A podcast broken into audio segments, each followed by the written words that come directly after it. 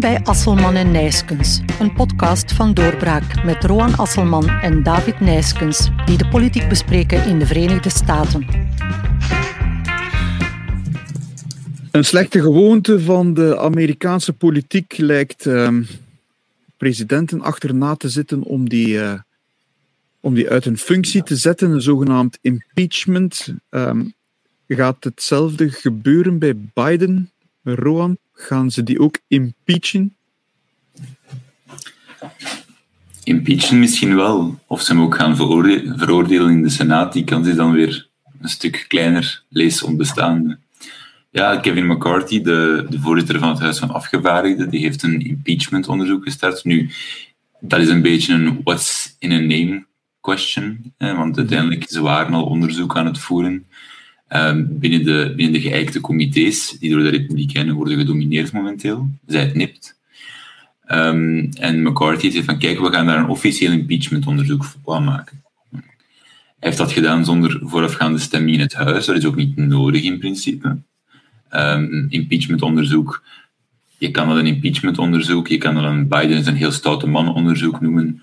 Uh, uiteindelijk de vraag gaat zijn, gaan er uh, voldoende bewijzen zijn die zijn er, maar gaan er voldoende bewijzen zijn dat uh, de volledige Republikeinse fractie aan boord stapt van die impeachment-trein? Want uiteindelijk, McCarthy, de Republikeinen, hebben een bijzonder, bijzonder kleine minderheid. Ik denk vier of vijf zetels. Uh, en, en, en, en er zijn een aantal Republikeinen die, uh, zeker als ze uit, uh, uit swing districts komen, hè, dus waar dat de Democraten een grote kans maken om hen volgend jaar uit een zetel te wippen, die gaan zeggen van kijk, dat is zoiets, uh, de president uitschakelen op basis van ja, uh, zogezegd ontbreken van direct evidence. Dat gaat niet bijzonder goed spelen in mijn district. Uh, dus ik stem niet mee. En McCarthy mag dan nog wel 210 uh, mensen aan zijn kant hebben. Als hij er vijf verliest, is het gedaan met het impeachment-verhaal. Dat, heeft ook, denk, dat is ook de reden, denk ik, dat hij uh, geen voorafgaande stemming um, had gelanceerd of had, of had geïnitieerd um, om het impeachmentonderzoek te openen. Omdat hij wist, denk ik, dat hij dat onderzoek wel eens zou kunnen, dat hij die stemming wel eens zou kunnen verliezen. De kwestie is natuurlijk, wat wordt er bij Biden dan precies onderzocht? Wat heeft hij gedaan waardoor hij eigenlijk uit zijn ambt van president zou moeten ontzet worden? Ja, het gaat erover dat hij dus in de vorige legislatuur on, de laatste legislatuur van Obama, hè, toen hij uh, de point person was voor de Amerikaanse regering voor Oekraïne, hm. dat hij daar wel degelijk zijn zoon zou geholpen hebben.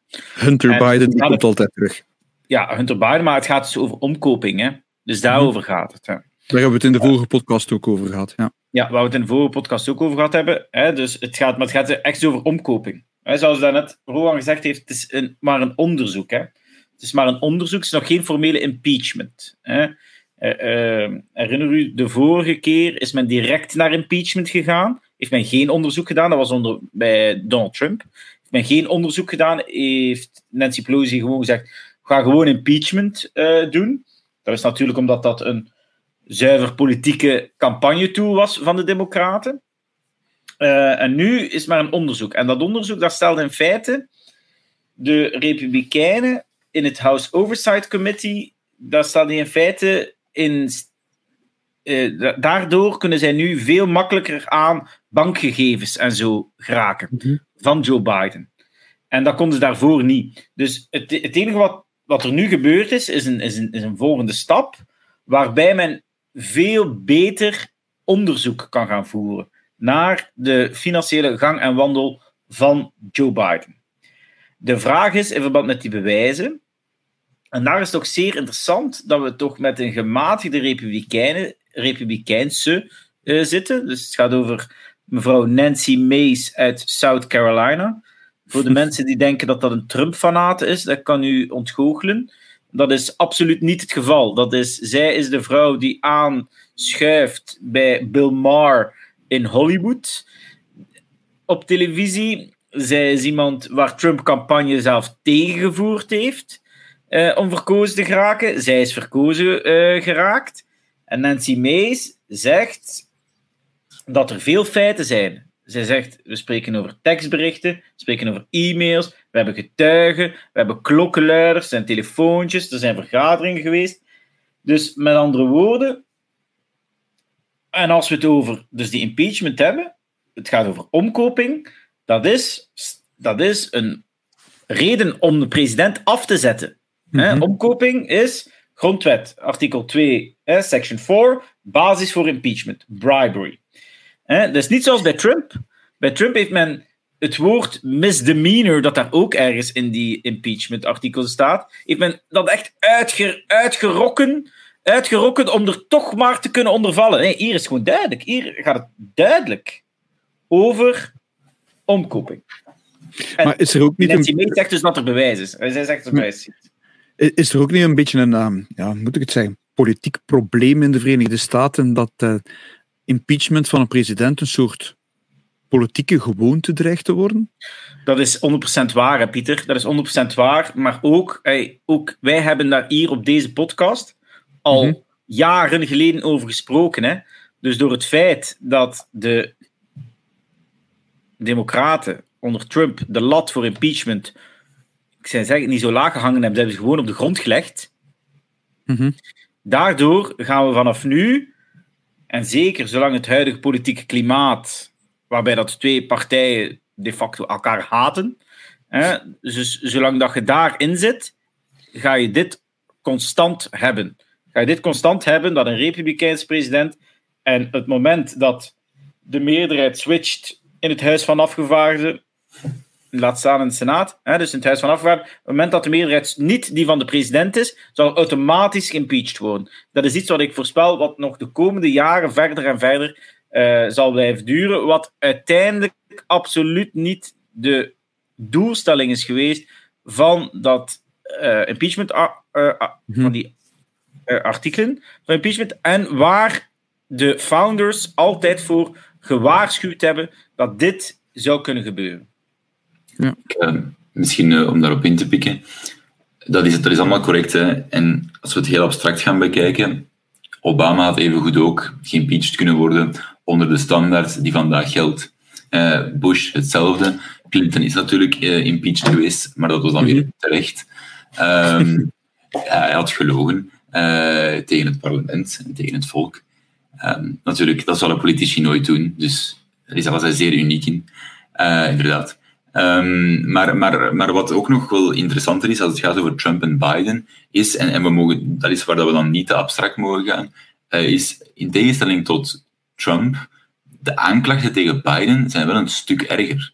Want eh, wat je leest in de media is nu, nu wordt, als er al iets over gezegd wordt, is het ten eerste om te zeggen, er zijn geen bewijzen, dat is, dat is niet waar.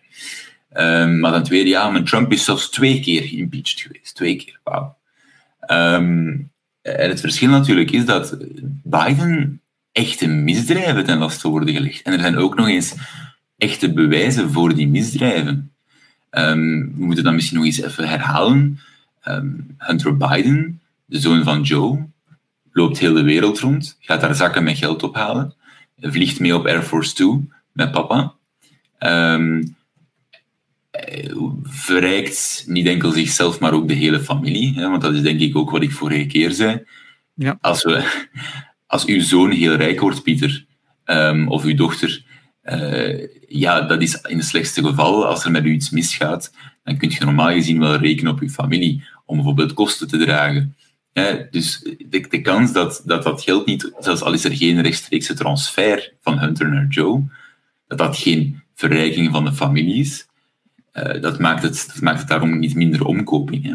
En er zijn, er zijn berichten van Hunter eh, naar, naar zakenpartners, naar zijn dochter. Hè. Ik, ik denk, er is of natuurlijk de bekende 20% for the big guy hè, bericht.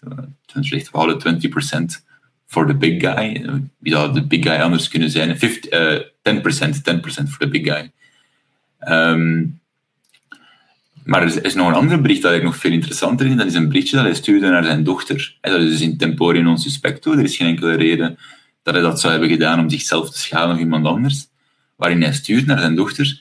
ehm, ik, ik hoop dat je later, eh, in de genre van, ik parafraseer nu, maar ik hoop dat je later even succesvol bent, zodat jij, net als ik, de kosten van de familie kan financieren en in tegenstelling tot papa, maar dus zijn vader, Joe, zal ik u niet dwingen om de helft van uw paycheck af te geven.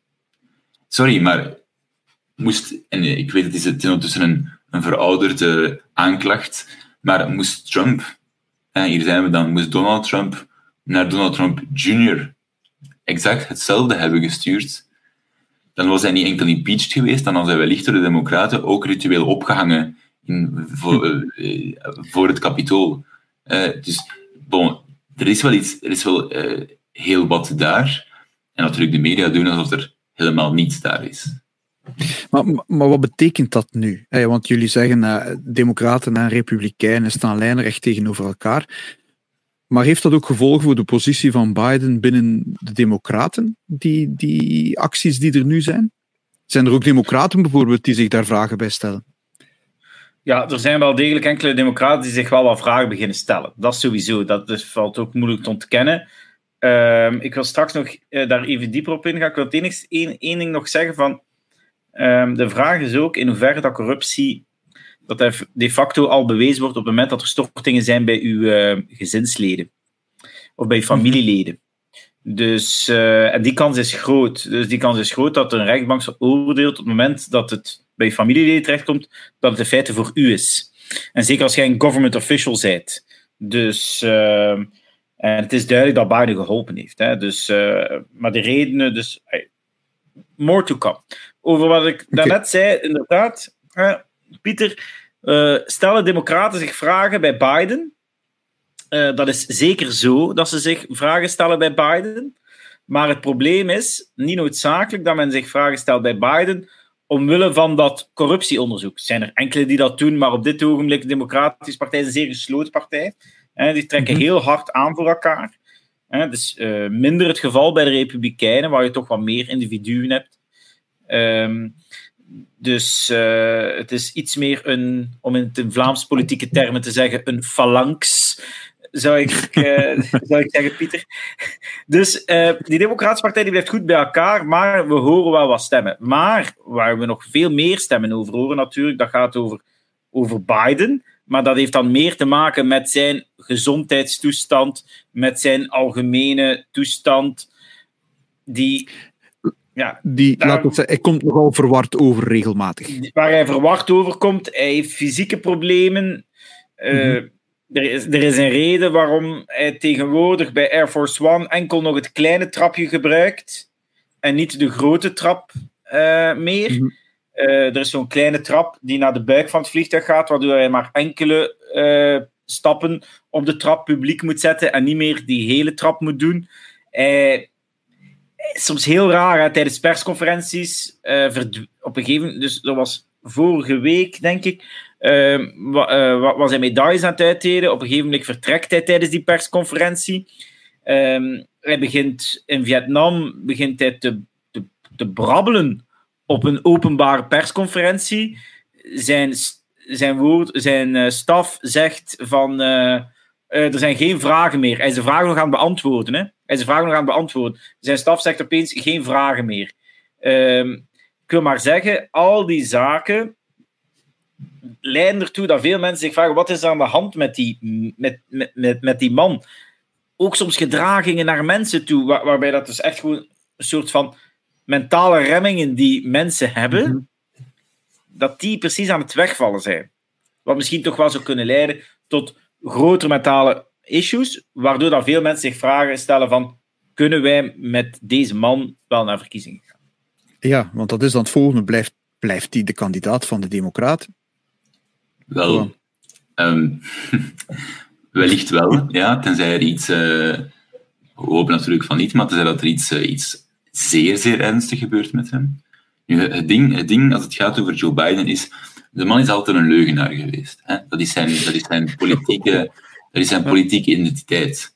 Um, dat doet hij al sinds dat hij op zijn in zijn dertiger jaren verkozen werd tot de Senaat. Nu, het verschil was, hij kwam daarmee weg omdat hij inderdaad die, uh, soms wel overroepen, maar, maar wel degelijk bestaande volkse charme had. Hij was een man van het volk. dat is, hij was niet langer de man van het volk twee jaar nadat hij in de Senaat zat. Hè, want hij wist wel hoe hij, hoe hij geld kon verdienen. Ehm, maar, maar wat er gebeurt, en dat is iedereen die ook familieleden heeft die, die beginnen af te takelen, zien dat de, de, de glans gaat er wel vanaf. Dus de, de kern blijft er, maar het eerste wat vertrekt is, eh, is zo die, ja, die oppervlakkige charme geven om wat andere mensen van u denken, um, minder moeite doen. Wel, dat is wat er vandaag de dag in, op, de meest, allez, op de oppervlakte met Joe Biden gebeurt. De man liegt aan de lopende band uh, over zijn familie, over hoe dat zijn eigen zoon gestorven is. Allee, echt walgelijke zaken. Um, en, maar hij doet dat met veel minder charme dan vroeger. Hè. Vroeger plaatst hij dat tussen twee mopjes, bijvoorbeeld. Vandaag de dag, die mopjes, hij begrijpt ze zelf niet meer. En als het dan gaat over, gaat de Democratische Partij vervangen? Uh, nee. Omdat, en dan komen we bij de, de, de, de, persoon, de vrouw, die ook al een aantal keer in de podcast vernoemd geweest is. Kamala Harris, hè, zij is de gedoodverfde opvolger. Nu, iedereen weet binnen de partij dat als Biden zegt, ik, ik hou ermee op, en Harris eh, vicepresident, in principe is dat, dat, is, dat is een afgang als vicepresident als je het tenminste niet probeert. Hè. Je zit daar en je zit daar om president te worden. Geen enkele vicepresident heeft zoiets van, weet je wat, dit is het toppunt van mijn carrière, hier, heb ik het, hier stop ik.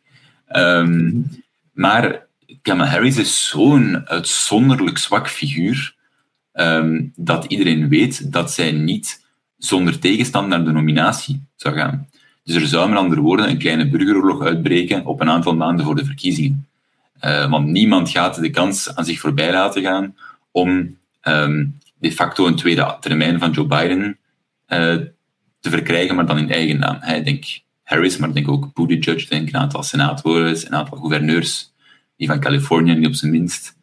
Dus, uh, en, en om ook nog eens tegen Trump uit te komen, wat zij natuurlijk nog altijd zien als, of wie zij nog altijd zien als een meest de, de uitermate verslaanbare kandidaat. Mm uh, dus, dus, en de Democratische Partij hoopt dat, dat ze dat kunnen vermijden door Joe Biden nog eens vier jaar lang, uh, vier jaar lang daar uh, zo'n beetje weekend at Bernie-stijl in het Witte Huis te laten rond, rondwaren. Dus ja, kijk, er is een nee, tenzij er natuurlijk iets met hem gebeurt, iets grondig, iets ernstig. En dat hopen we natuurlijk niet. Maar weten we dan hoe het er in het Witte Huis aan toe gaat? Als, als je ziet dat die president minstens mentaal wat verzwakt is, wie, wie heeft daar dan de touwtjes in handen?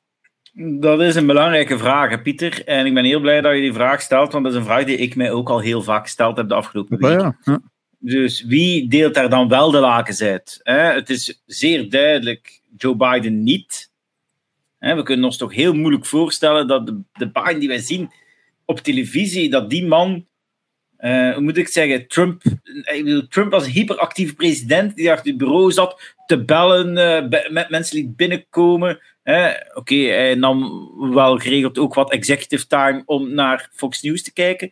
Uh, maar mensen vragen zich af of dat, dat met Biden zo het geval is. Want het is vaak, hè, ze noemen dat dan put a lid aan, hè, dus uh, dat de president vanaf vijf uur namiddag er niet meer is. Uh, dus, hey, dus dat zijn allemaal zaken waarbij dat men toch de vraag kan stellen: wie, wie zit daar? Wie is daar de president? Wie is, is president van Amerika? Wie is president van Amerika? Is dat mevrouw Jill Biden, net zoals het was bij uh, Woodrow Wilson, die op het einde van zijn tweede termijn uh, heel zware mentale problemen heeft gekregen en waardoor dat zijn vrouw de facto dus een beetje op de achtergrond president was. Dus dat zijn allemaal vragen die men zich stelt. Hè. En om nog even terug te komen op Kamala Harris. Het is niet Kamala Harris die op dit moment president is. Hè. Uh, want die wordt ook vol, volop gewantrouwd. Maar het probleem met Kamala Harris is, en we hebben dat hier al vaak gezegd, Kamala Harris is de persoon die de Victimhood Olympics gewonnen heeft natuurlijk. Hè? Olympische Spelen van het slachtofferschap. Ze is vrouw, ze is, ze is of color, hè? Ze, is, uh, ze is African American. Dus natuurlijk in een partij die compleet gedomineerd wordt door woke, door uh, huidskleur, waarbij dat, dat zo belangrijk is. En dat, dat, dat diversiteit enkel de kleur van je huid is en niet, de, en niet uh, jouw ideeën. Hè, dus dat die, die mm-hmm. diversiteit is, dat die zo belangrijk is, wordt het natuurlijk zeer moeilijk, zeer moeilijk om Biden uit dat presidentschap te manoeuvreren. Dat is het grote probleem. Ze hebben het zichzelf aangedaan. Men had ook, Biden zei op een gegeven moment tijdens de campagne, ah, ik ga een vrouw nemen als vicepresident. En uh, het, mm-hmm. uh, she will be of color. Hè? Dus anders, uh, er was mevrouw Klobuchar, uh, senat, senatrice die het in principe ging worden zijn. Maar nee, hij heeft voor Harris gekozen. En met andere woorden, iedereen zit nu met de handen in zijn haar van hoe gaan we die Harris lozen? Hoe doen we dit? Hoe doen we ja. dit? En de vraag is, hoe, hoe de, gaat men dat doen voor de conventie? Gaat men Biden eerst nog die voorverkiezingen laten winnen bij de Democraten? En gaat men dan zeggen daarvoor van uh, Biden, ik doe het niet. Ik doe het niet, ik laat het aan Harris over. Uh, of ik doe een open primary. Grote vraagtekens. Ik denk het meest waarschijnlijke is dat het gaat over uh, de controle van, het, van de uitvoerende macht in de Verenigde Staten, van de federale, is dat het een aantal kleine baronieën zijn. Um, ik denk bij gebrek aan een. Er is een machtsvacuum aan de top. Uh, wat je van Obama nog van.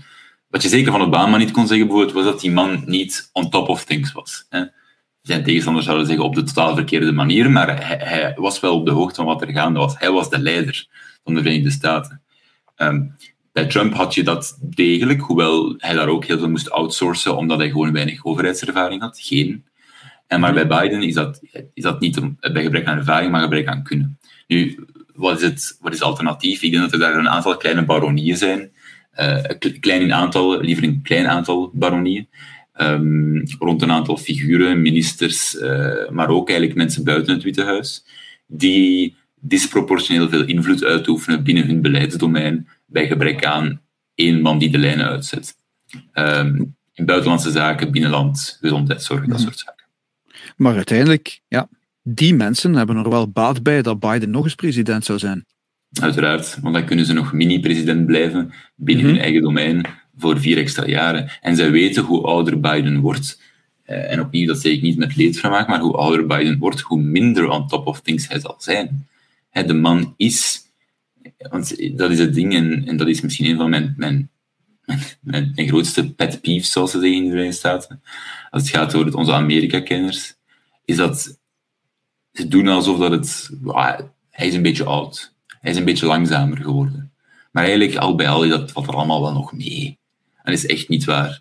Elke keer als je Biden ziet, ben je bang dat hij gaat vallen, of dat hij complete of dat hij een, Mitch McConnell-moment heeft. Hè. Heb ik ook een artikel geschreven voor Doorbraak. Mitch McConnell, de Republikeinse senaatsleider, die plotseling freest, hè, bevriest.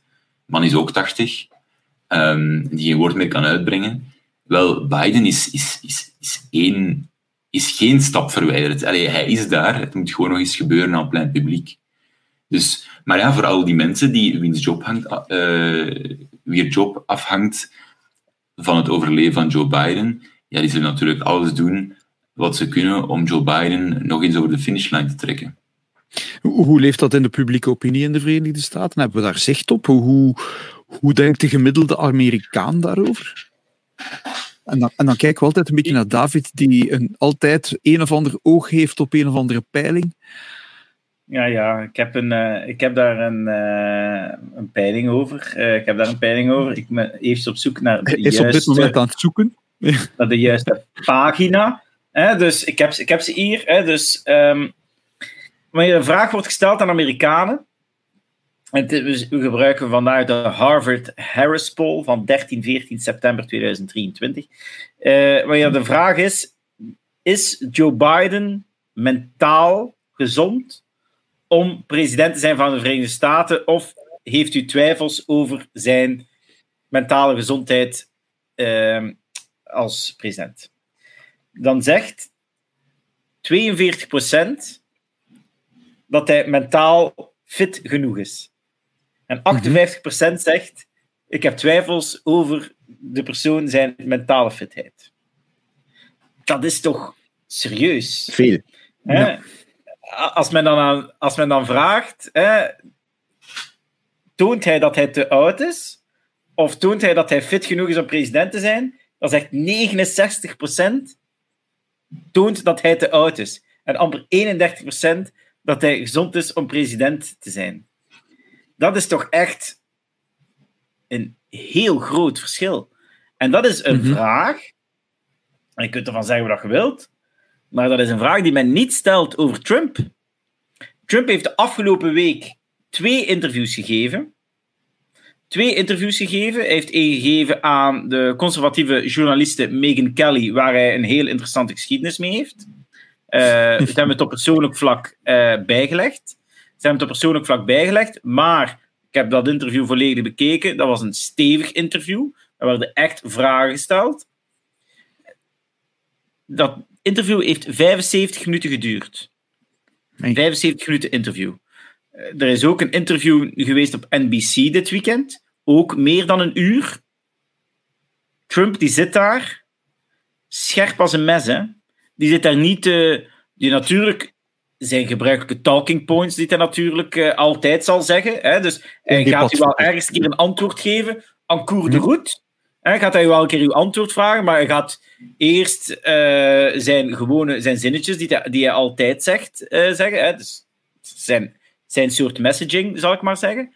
Maar als je dat bekijkt, dat is, daar zit echt iemand die scherp is en die inderdaad die 78 jaar is, maar die wel scherp en wetend waar, waar hij mee bezig is. En dat is toch een groot verschil eh, met de fitheid van Joe Biden. En we kunnen ons enkel maar voorstellen, stel u voor dat men een rechtstreeks debat zal doen Hm. tussen Trump en Biden voor presidentsverkiezing. Ik weet niet of Biden dat nog aan kan. Ik weet niet of de Biden zo'n debat nog aan kan. Of hij dat fysiek en mentaal nog aan kan. Om half tien s'avonds, eh anderhalf uur recht staan eh, en zo debatteren. Ik weet niet of hij dat nog aan kan. Mag ik het iets breder trekken? Want, want vorige week of, of, of, ja, heb ik gelezen dat Nancy Pelosi, eh, die toch ook midden de tachtig is, ook nog eens zou opkomen. En ik denk dat, dat in onze, in onze WhatsApp-groep een van jullie zei van ja, de oudste senator is 90. Eh, en, en daarnet hadden we het over eh, nog iemand en die is ook 80. De- Is er een soort, ja, hoe noem je dat? Een Gerontocratie gerontocratie? is het woord. Maar ja, gerontocratie aan het ontstaan in de Verenigde Staten? Zijn er geen jongere mensen die capabel zijn om dat te doen? Allee, enfin, wat is, is dat een probleem? Of, of ja, hoe moeten we daar naar kijken? Ja, zijn er daar jongere mensen die het kunnen doen? Zeker, hè. Dat is een land van 330 miljoen mensen. Daar zullen wel is- enkele capabele politici aan beide kanten van, het, van de partij, of beide kanten van het spectrum, rondlopen. Trouwens, we zien die elke dag, hè. Eh, en die zijn senator, die zijn gouverneur, eh, zowel aan democraten als republikeinse zijde. Bijvoorbeeld, ik denk eh, Gavin Newsom aan democratische zijde, jonge gouverneur, heeft hem, doet het niet goed in Californië, maar dat is allemaal zo belangrijk niet eh, tegenwoordig. Hij is wel goed op, in, de media, wat natuurlijk veel belangrijker is. Ehm, maar ik denk, eh, de Amerikaan nog steeds heeft een, een, eh, heeft een overdreven, ik zal het zo zeggen, een, niet zozeer een bizarre, maar een overdreven respect voor de boomergeneratie. Niemand kan het exact plaatsen. Ten eerste, er zijn heel veel boomers die op andere boomers stemmen. Dus dat, is, dat helpt natuurlijk bij de verkiezing. Maar het is ook gewoon, een, het idee loopt nog wel... eh, Het idee van liever, eh, er is een spreekwoord, eh, liever the devil we know than the devil we don't know. Ik denk dat dat wel iets te maken heeft ermee. Mensen kiezen voor iets dat ze kennen. Ook al is er misschien hypothetisch een beter scenario mogelijk. Tenzij iemand hen heel... Kan, dat er iemand hen kan overtuigen van nee, nee, en ik ben dat scenario, kiezen ze liever voor ja, de middelmaat. Ja. En bijvoorbeeld trouwens, anekdote, eh, die persoon die daar net vermeldde, Pieter, of die 90 jaar is, eigenlijk zou die veel meer vermeld moeten worden, want dat is Dianne Feinstein. Dianne Feinstein is een van de twee senatoren voor de grootste staat, voor California. Ja, Dat is, dat is, dat is vier keer België bijna, die staat. Ehm, en die is echt wel volledig weg. Als in, die is, als Joe Biden ehm, bezig is aan zijn neerwaartse spiraal. Zij is in de put, zij is aan de bodem al. Uh, en dus ze komt ook niet meer op in 2024, maar dat was enkel het gevolg van enorme druk. Uh, en die, die, die, vrouw is, die vrienden en kennissen zeggen het ook, uh, ja, die, die is niet meer scherp, die vergeet namen, mensen al 30 jaar kent. Ze is niet meer, ze kent de dossiers niet meer, ze kan er gewoon niet meer mee. Maar die weigert ook vroegtijdig ontslag te nemen. En politici die zich vast, vastklampen aan de macht, is natuurlijk niet, uh, het is niet enkel iets, uh, iets Amerikaans, natuurlijk. Ja, oké. Ja. Maar ze stopt wel, hè? Ze stopt wel, hè, nu? Ja, ja, volgend jaar. Ja. Ja. ja. 90 is een mooie leeftijd om op pensioen te gaan. ja, ze is 89, ja, ze is 90, hè. Dus uh, ze is... nee, ze is van 33. Het punt is... Um, ja, kijk, gemiddeld is een senator 64 jaar of 65 jaar en iemand die in het huis zit 57 jaar. En de oudste is 90 mhm. en de jongste is 35. In de senaat en het huis van, uh, huis van afgevaardigden is het 86 of 87 en uh, eh, 25. Hè? Dus met andere woorden, en gemerkt dat het inderdaad zo is dat ene keer dat je in de Verenigde Staten verkozen bent, dan moet je echt al je best doen om niet herkozen te worden. Ja. Laat staan in die partij. Blijf je, dan blijf je ook zo lang mogelijk opkomen om toch elke keer herkozen te worden. Dan blijf je in principe lang zitten. Velen blijven zitten. Republikeinen blijven iets minder lang zitten dan Democraten. Het heeft ook te maken met het feit dat ene keer de Republikeinen hebben een soort van interne regel. Uh, dat ze maar drie keer voorzitter van een commissie mogen zijn en dat ze dan moeten stoppen. Dat heeft er ook mee te maken. Als je dan zo gedegradeerd wordt naar gewoon lid, voor vele mensen dat niet fijn. Dus, uh, maar ja, mensen hebben lange carrières, maar ja, dat is bij ons ook wel zo, hè, Pieter. Maar bij ons stoppen mensen vroeger. Ja. Ja, ik vroeg me net af, wat zou de gemiddelde leeftijd bij ons in het parlement zijn? Ik heb er eigenlijk geen idee van, moet ik eerlijk toegeven. Ik denk dat dat eigenlijk... zo flauw vermoeden dat dat best wel meevalt. Ja, het ieder geval niet zo zijn. Ja, maar bij ons ja. zou het minder aanvaard worden. Iemand van 86 uh, eh, die opkomt dan mensen. Camille Huismans, uh, Camille Huismans Pieter. Dat ja, heeft ook, een andere tijd natuurlijk. Hè? Dat heeft ook veel te maken in, in, in 30 seconden met de manier waarop dat in de Verenigde Staten verkiezingen worden, worden georganiseerd. Hè. Zeker als het gaat over de Senaat. Een, een, de, de financiële machine is veel meer geënt rond een kandidaat. Met andere woorden, als jij persoonlijk een goede fundraiser bent, dan kun jij heel lang uh, met, met nipte meerderheden of met pluraliteiten uw partijnominatie in de zetel blijven binnenhouden. Ja, omdat het geld aan u rechtstreeks verbonden is. Hier, van, hier bij ons is dat, ja, als de partijvoorzitter zegt, uh, José, je bent nu 70 jaar, het is wel goed geweest, ja, dan is het gedaan. En dan maakt het niet uit hoe populair je bent, je bent van de lijst. Uh, dus, maar, maar in de Verenigde Staten is ook 70 jaar, Pieter? Givrost is ook hm? 70 jaar, Ja, ja, ik weet Guy het. Ja. is ook 70 jaar. Ah, ik wil maar zeggen... Maar, maar, maar in de Verenigde Staten is zo'n kandidaat toch meer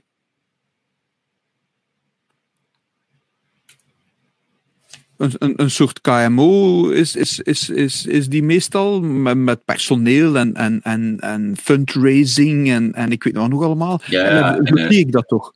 En KMO, ja, zo, uh, zo, zo, K en zo M zijn die O's ook niet. Uh, dat, zijn tamelijk, dat zijn tamelijk lijvige, uh, geen multinationals, maar dat zijn wel nationale bedrijven. Uh, die, die over uh, schatkisten bes, uh, beschikken die tientallen en over een hele carrière honderden miljoenen dollars bedragen. Dus je moet, ja, je, en je kan daar overleven. Ja, je moet in personeel moet het volgende denken, Pieter. Ja. iemand die lid is van het Huis van Afgevaardigden, gemiddeld 15 à 20 personeelsleden. Mo. Senator, gemiddeld 80 personeelsleden. Nee. Met 50 Hè, laten we de ondervork zal 50 zijn en de bovenvork eh, staat als Californië. Zijn senator heeft al 200 medewerkers. Mooi, Maar ja, natuurlijk. Maar dat is immens. Hey, je moet rekenen. Je hebt daarvan een deel staffers uh -huh. hè, in Washington. Maar je hebt ook in de constituency natuurlijk heb je heel veel personeel rondlopen. Hè? Ik bedoel, je hebt twee senators in Californië. In Californië wonen er 45, 45 of 54 miljoen mensen.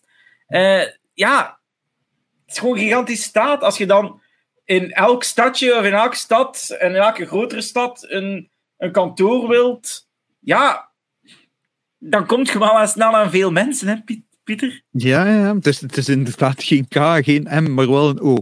Uh, een, een, geen kleine, geen middelgrote, maar een onderneming. Ja, fijn. Dat, dat, eigenlijk is dat nog eens iets om, om, om apart nog eens op in te gaan. Maar, maar we hebben het hier al over Trump gehad. Um, ja, het feit dat hij de kandidaat zal worden voor de Republikeinen, is dat echt onafwendbaar aan het worden? Ik denk dat dat onafwendbaar wordt, Pieter. Ik denk dat dat of, on, uh, onafwendbaar wordt. Als je aan Republikeinse kiezers vraagt, hè, dus uh, ik ga deze peiling niet gebruiken, normaal gezien gebruik ik de average, maar goed, voor een keer gebruik ik deze. 57% plus 5.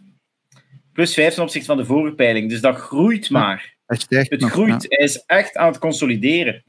Ron DeSantis, 10%. Nog 10% in deze peiling. Hij heeft nog 10%. Hij stond al, al 24, 27 heeft hij gestaan in het begin. Staat nu op 10. Mm -hmm. En de volgende is dan uh, Vivek Ramaswamy. Ja. Even vertellen, we hebben die hier toch wel als eerste opgemerkt, uh, durf ik ook zeggen. Uh, 8%. Hè? Dus, en dan ik Haley 6. En als je dan vraagt, stel je dat Donald Trump toch niet de nominee is, dan kom je uit op 23 DeSantis, 22 Ramaswamy en 12 voor Mike Pence. Dus met andere woorden, je ziet toch dat Trump daar aan het consolideren is. Ik wil maar zeggen, in elke andere, in elke andere race hadden we al lang gezegd, het is voorbij. Mm -hmm. We hebben al lang gezegd. We hebben al lang gezegd. Het is maar nu. Het is maar nu, omdat Trump is, en het is een beetje zo, omdat veel journalisten toch zodanig vooringenomen zijn dat ze zich toch niet kunnen voorstellen dat die gekke Amerikaan, uh, die gekke man opnieuw president zou doen worden. Um, Trump zegt het zelf, hè, ik begrijp niet waarom dat die andere mensen nog altijd kandidaat zijn. Waarom doen die nog mee? Ja. Waarom doen die nog mee? Uh, ja, goed, ik denk, uh, denk, realistisch gezien gewoon even kijken naar de kalender. Um, ik zei het ook vlak voor de opname begon. Als, als, als Trump iets in de weg gelegd kan worden, dan moet het in de eerste drie verkiezingen zijn. Niet door één van de drie te winnen. En we hebben Iowa, New Hampshire, South Carolina. Um, iemand die Trump iets in de weg wil leggen, moet daar winnen. In alle drie. En drie keer dezelfde ook liefst. Dus niet, niet drie verschillende winnaars die niet Trump zijn, en één persoon. Nu, die nationale peilingen die David vernoemt, dat zijn heel goede graadmeters. Hè. Um, nu, dat gezegd zijnde, de deelstatelijke peilingen zijn de enige die belangrijk zijn momenteel. Nu, mm -hmm. to be clear, daar heeft Trump gelijkaardige voorsprongen. Hè, behalve in Iowa, daar is hij iets kleiner. Um, maar alles in een voorverkiezing gaat om momentum. Dus als jij twee, drie voorverkiezingen wint, dan kan, is het heel gemakkelijk om uh, in de media en onder de partijbasis het idee van het idee op te wekken dat je onafwendbaar bent. Inevitable.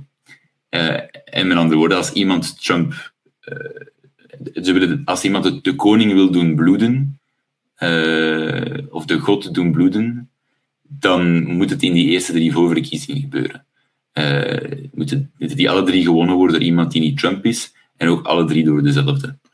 In Iowa is dat niet ondenkbaar, zij het omdat de voorsprong van Trump dat iets kleiner is, ook omdat het een caucus-systeem is, en daar hebben we dat voor een andere keer, maar dat is een, een bizarre, een bijzondere, uh, een bijzondere manier van verkiezen, uh, die voordelig is voor de best georganiseerde kandidaat. En Trump heeft heel weinig crown game.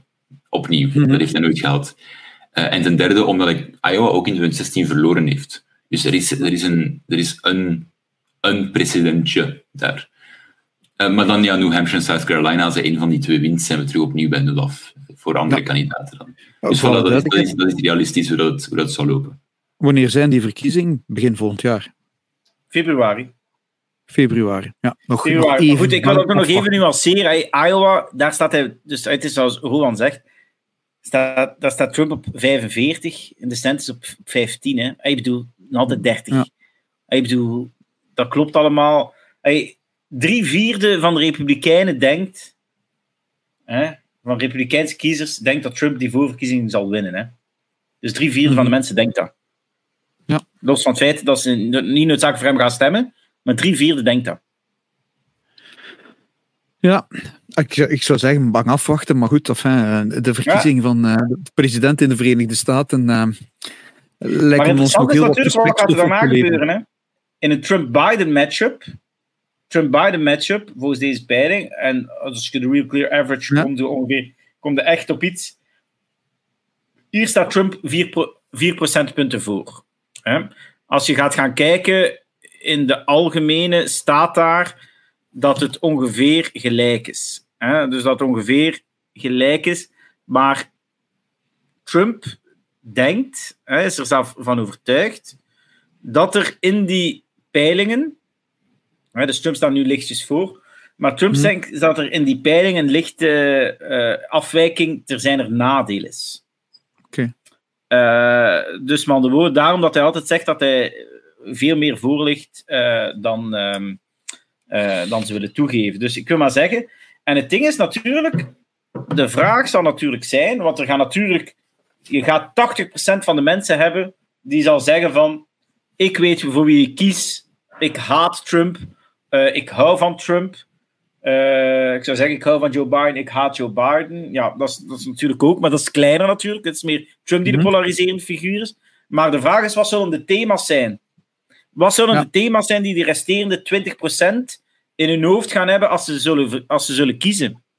En daar, als je daar kijkt naar de drie topthema's, dan gaat dat over inflatie, economie en migratie. En dat zijn allemaal Trump-thema's. Dat zijn allemaal thema's waarop Trump goed scoort. Als je kijkt naar peilingen over de staat van de economie. En uh, Biden is altijd bezig en, zijn, en, en, en de Democraten zijn altijd bezig over Bidenomics. Zo'n groot succes. Wel, de peilingen zeggen het tegenovergestelde. De kiezers vindt het geen economisch succes. Als je 50% van de Amerikanen zeggen in deze peiling dat een persoonlijke financiële situatie achteruit gaat. Dat is de helft van de Amerikanen. Hè? Onder Trump, onder, onder Trump zei 40% dat een financiële toestand vooruit ging. Dat is nu maar 24%. En er was maar 25% van de mensen die zei dat het slechter ging voor hun. Mhm. dus, met dan dus als je kijkt naar de staat van de Amerikaanse economie, als je daar de mening vraagt van de mensen, dan zegt 62% zegt staat van de Amerikaanse economie vandaag is slecht. Onder, onder Trump was dat 30%. En zei 70%, zei 70% dat de staat van de economie goed was. Dus dat is natuurlijk het grote verschil. Het, er zijn ongeveer meer mensen die denken dat de staat van de economie vandaag slecht is als ten tijde van COVID in 2020. Okay. Dus, dus daar zitten we. Dus je moet je voorstellen, je gaat naar een verkiezing gaan waarbij je één iemand hebt, zijnde Donald Trump, die kan runnen op een record van ja, de economie onder mij was goed, hè? Mm en Biden, die met zijn Biden, Bidenomics, die niet wordt gesmaakt door de kiezers. Mag ik de podcast met een blijde noot afsluiten? Zeer zeker. Namelijk, Roan zijn boek is af. Ah. Aha. Roan. En ik kan u zeggen dat ik dat met veel plezier gelezen heb. Nou, oh, goed, nog sterker. Ah, dan zal ik dringend aan inhaalbeweging moeten beginnen. En we gaan het boek voorstellen, Roan? We gaan het boek voorstellen op 24 oktober in Antwerpen.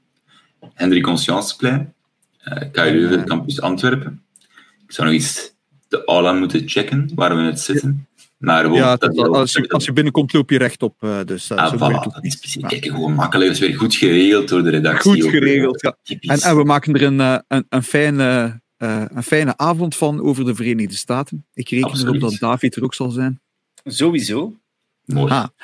En uh, als de luisteraars dan ook massaal aanwezig zijn, dan wordt het uh, helemaal een fijne avond.